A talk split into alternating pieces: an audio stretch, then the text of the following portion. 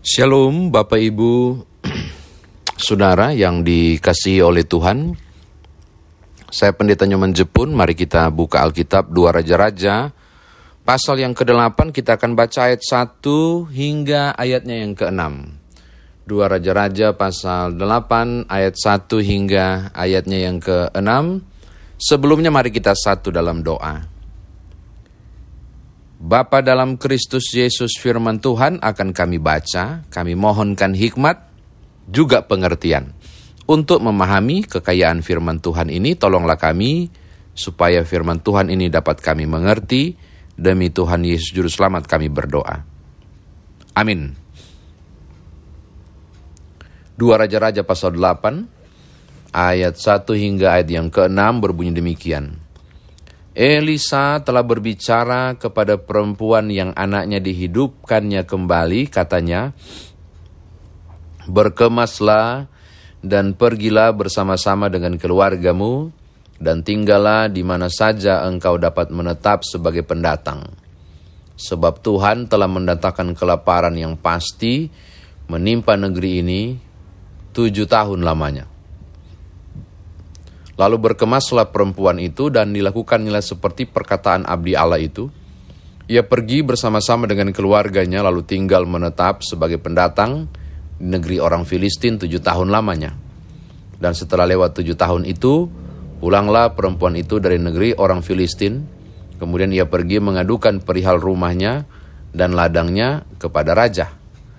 Raja sedang berbicara kepada Gehasi, bujang abdi Allah itu, Katanya, cobalah ceritakan kepadaku tentang segala perbuatan besar yang dilakukan Elisa. Sedang ia menceritakan kepada raja tentang Elisa menghidupkan anak yang sudah mati itu, tampaklah perempuan yang anaknya dihidupkan itu datang mengadukan perihal rumahnya dan ladangnya kepada raja. Lalu berkatalah Gihasi, Ya tuanku raja, inilah perempuan itu, dan inilah anaknya yang dihidupkan Elisa. Lalu raja bertanya-tanya, bertanya-tanya, dan perempuan itu menceritakan semuanya kepadanya. Kemudian raja menugaskan seorang pegawai istana menyertai perempuan itu dengan pesan, pulangkanlah segala miliknya dan segala hasil ladang itu sejak ia meninggalkan negeri ini sampai sekarang. Demikian firman Tuhan, saudara saya dikatakan berbahagia jika mendengarkan firman Tuhan ini merenungkannya, memberitakannya, istimewa melakukan dalam hidup beriman kita. Shalom, Bapak Ibu Saudara. Ini beberapa catatan menarik tentang uh, teks ini. Yang pertama, se diharap Bapak Ibu pernah membaca dua Raja-Raja pasal 4 tentang seorang perempuan Sunem. Sunem itu Sunem itu merupakan wilayah suku Isaskar. Dari pembagian wilayah di 12 suku itu itu di, itu termasuk wilayahnya uh, orang Israel di suku Isaskar. Dia adalah perempuan yang sangat kaya. Dia luar biasa dan dia pernah mengalami mujizat ketika anaknya mati kemudian dihidupkan lagi oleh Elisa itu saudara bisa baca di Eh, dua raja-raja pasal 4 ayat 8 sampai 37. Itu uh, panjang di situ kisahnya dan baiknya kalau habis renungan ini saudara baca deh. Bagus banget di dua raja-raja pasal 4 ayat 8 37. Mari lihat pokok-pokok yang pertama. Elisa bilang begini, akan terjadi kelaparan. Sangat dahsyat tujuh tahun. Kau pergilah, tinggalkan uh, wilayah ini, keluar karena Tuhan lagi menghukum Israel. Jadi kau keluar. Bapak Ibu ini menarik ya. Mengapa? Karena dia perempuan ini dalam posisi nyaman, hartanya berlimpah, kekayaannya luar biasa, lalu diperintahkan untuk keluar karena tujuh tahun ada kelaparan. Resiko Bapak Ibu ya, siapa pun yang meninggalkan hak miliknya dan pergi meninggalkan meninggalkan Israel dianggap juga telah meninggalkan seluruh haknya. Haknya. Jadi benar kan? Ketika dia pergi, selama tujuh tahun dia pergi, haknya hilang. Sebagai pemilik lahan, pemilik tanah, juga pemilik kekayaan, diambil orang. Karena tujuh tahun. Tujuh tahun dia pergi.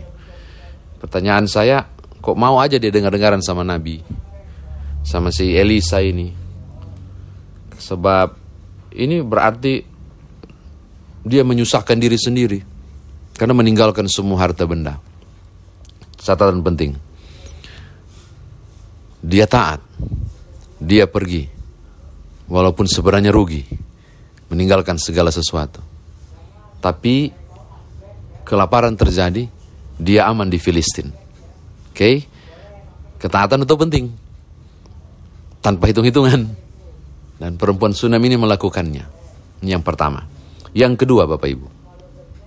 Setelah kelaparan berakhir, dia balik. Dan ketika dia balik, dia mau mengklaim kekayaannya dan hartanya yang sudah diambil orang. Karena dia tinggalkan sudah lama, tujuh tahun toh. Wah nggak bisa lah. Itu hak orang yang ngambil dan hak orang yang ngurus. Tujuh tahun kok. Apa yang terjadi Bapak Ibu? Ini menarik. Di saat dia minta keadilan ke raja, ternyata si Gehasi, pembantunya uh, Abdi Allah ini, lagi berkisah dan bercerita tentang Elisa yang membangkitkan anak perempuan Sunem. Sudah lihat ini kebetulan yang menarik. Nah ketika sedang bercakap-cakap, Yahasi bilang, lah itu nah, itu Tuanku Raja, itu nah perempuan yang datang ke sini nih. Padahal si perempuan ini mau mengklaim haknya dan minta tolong Raja untuk perlancar. Ah ini nah, ini, ini perempuan ini, nah itu anaknya. Saya mau bilang begini kepada saudara, ini kebetulan? Ya, kalau kita bahasa secara duniawi, ini kebetulan. Tetapi Tuhan bekerja di dalam kebetulan sekalipun. Saya bilang begitu. Jadi ini tidak kebetulan. Ini memang luar biasa. Dirancangkan Tuhan. Hingga raja kemudian akhirnya penasaran dan mulai bertanya. Coba kau cerita dulu. Kok bisa begitu? Terbukalah pintu. Dan ngomonglah, tolong lihat ayat 6. Dan ngomonglah si perempuan ini.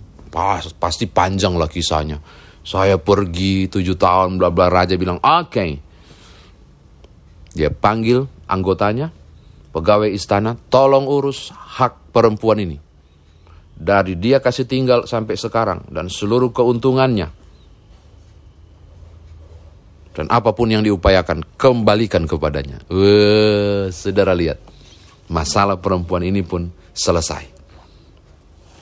Kisah ini kalau cuma baca begitu, wow kita cuma wow gitu doang. Tapi saya mau kasih tunjuk bahwa kisah ini punya wow yang panjang. Wow. Kenapa? Karena saudara harus mundur di pasal 4. Saya tahu Bapak Ibu.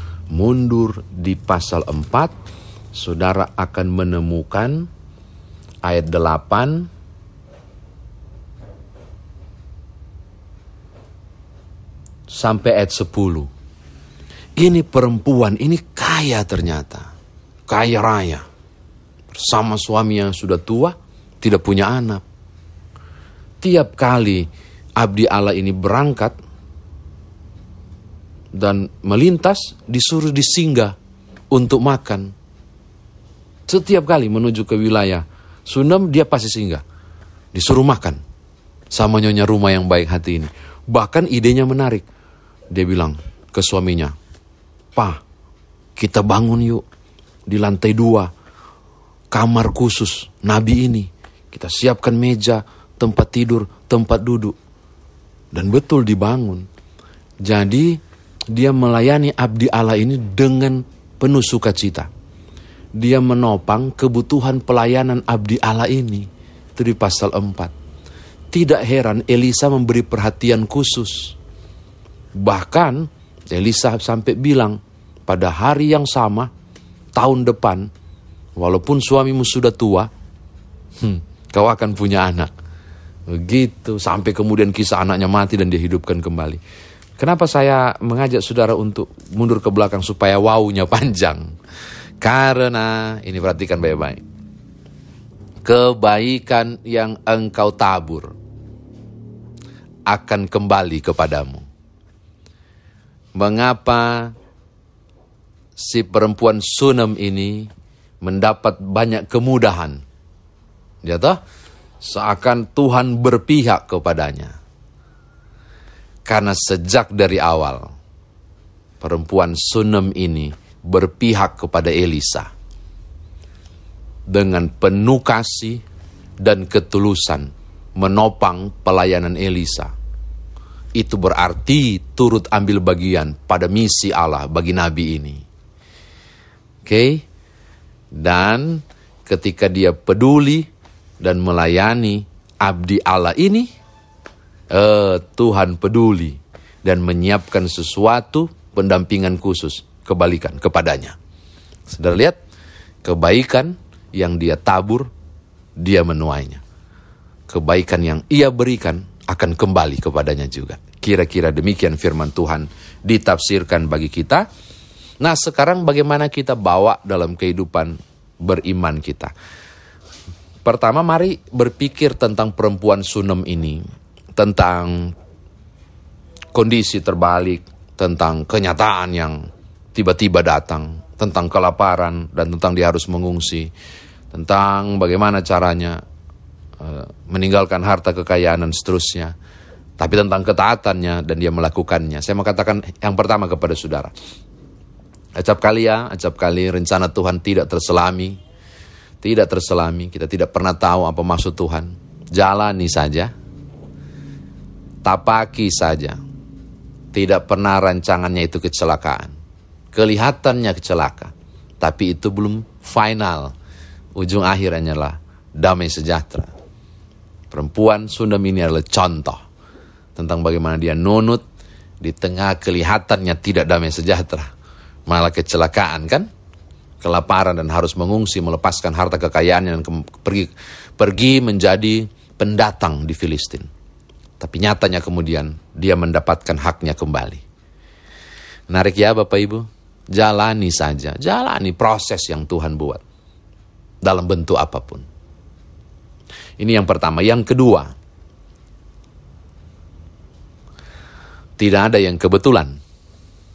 Ini penting untuk ditekankan. Tidak ada yang kebetulan. Semuanya berjalan di dalam planning dan rencana Tuhan. Kalaupun terlihat kebetulan, maka saudara harus percaya bahwa Allah bekerja di dalam segala kebetulan sekalipun. Sekali lagi Roma 8:28 saya selalu bilang ayat ini. Dalam segala sesuatu Allah turut bekerja untuk mendatangkan kebaikan. Segala sesuatu termasuk Gehasi lagi ngomong-ngomong tentang bagaimana sampai Elisa buat keajaiban bagi seorang perempuan di Sunem dan raja penasaran. Eh muncul perempuan itu. Nah akhirnya diperkenalkan, akhirnya ditolong. Saya mau katakan hal yang sama kepada saudara. Misteri pekerjaan Tuhan tidak terselami. Tapi percayalah, engkau menjalani kehidupan tidak pernah kebetulan itu di dalam peta Allah. Itu dalam rencananya. Itu dalam uraian perjalanan yang saudara jalani. Itu bagian dari keterlibatannya. Tidak ada yang kebetulan. Sebab Allah pun bekerja dalam kebetulan sekalipun. Cia.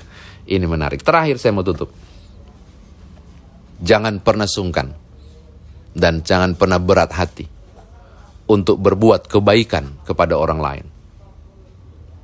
Sebab bisa saja ketika kebaikan engkau berikan bagi orang lain, sebenarnya tanpa sadar, engkau sedang mengerjakan kepada malaikat barangkali. Kita nggak tahu tuh, karena ada teks yang bilang begitu. Apa yang engkau tabur, itu yang akan engkau tuai. Kebaikan yang ditebarkan engkau hari ini, suatu saat akan kembali kepadamu. Mungkin bukan engkau yang rasakan, mungkin anakmu, mungkin cucumu, saya tidak tahu tapi tiap kebaikan yang engkau kerjakan bagi orang lain. Oh, tidak akan pergi sia-sia. Kebaikan itu akan kembali menemuimu. Karena apa yang kau tabur, itu juga yang kau tuai. Tuhan berkati Bapak Ibu Saudara. Haleluya. Amin.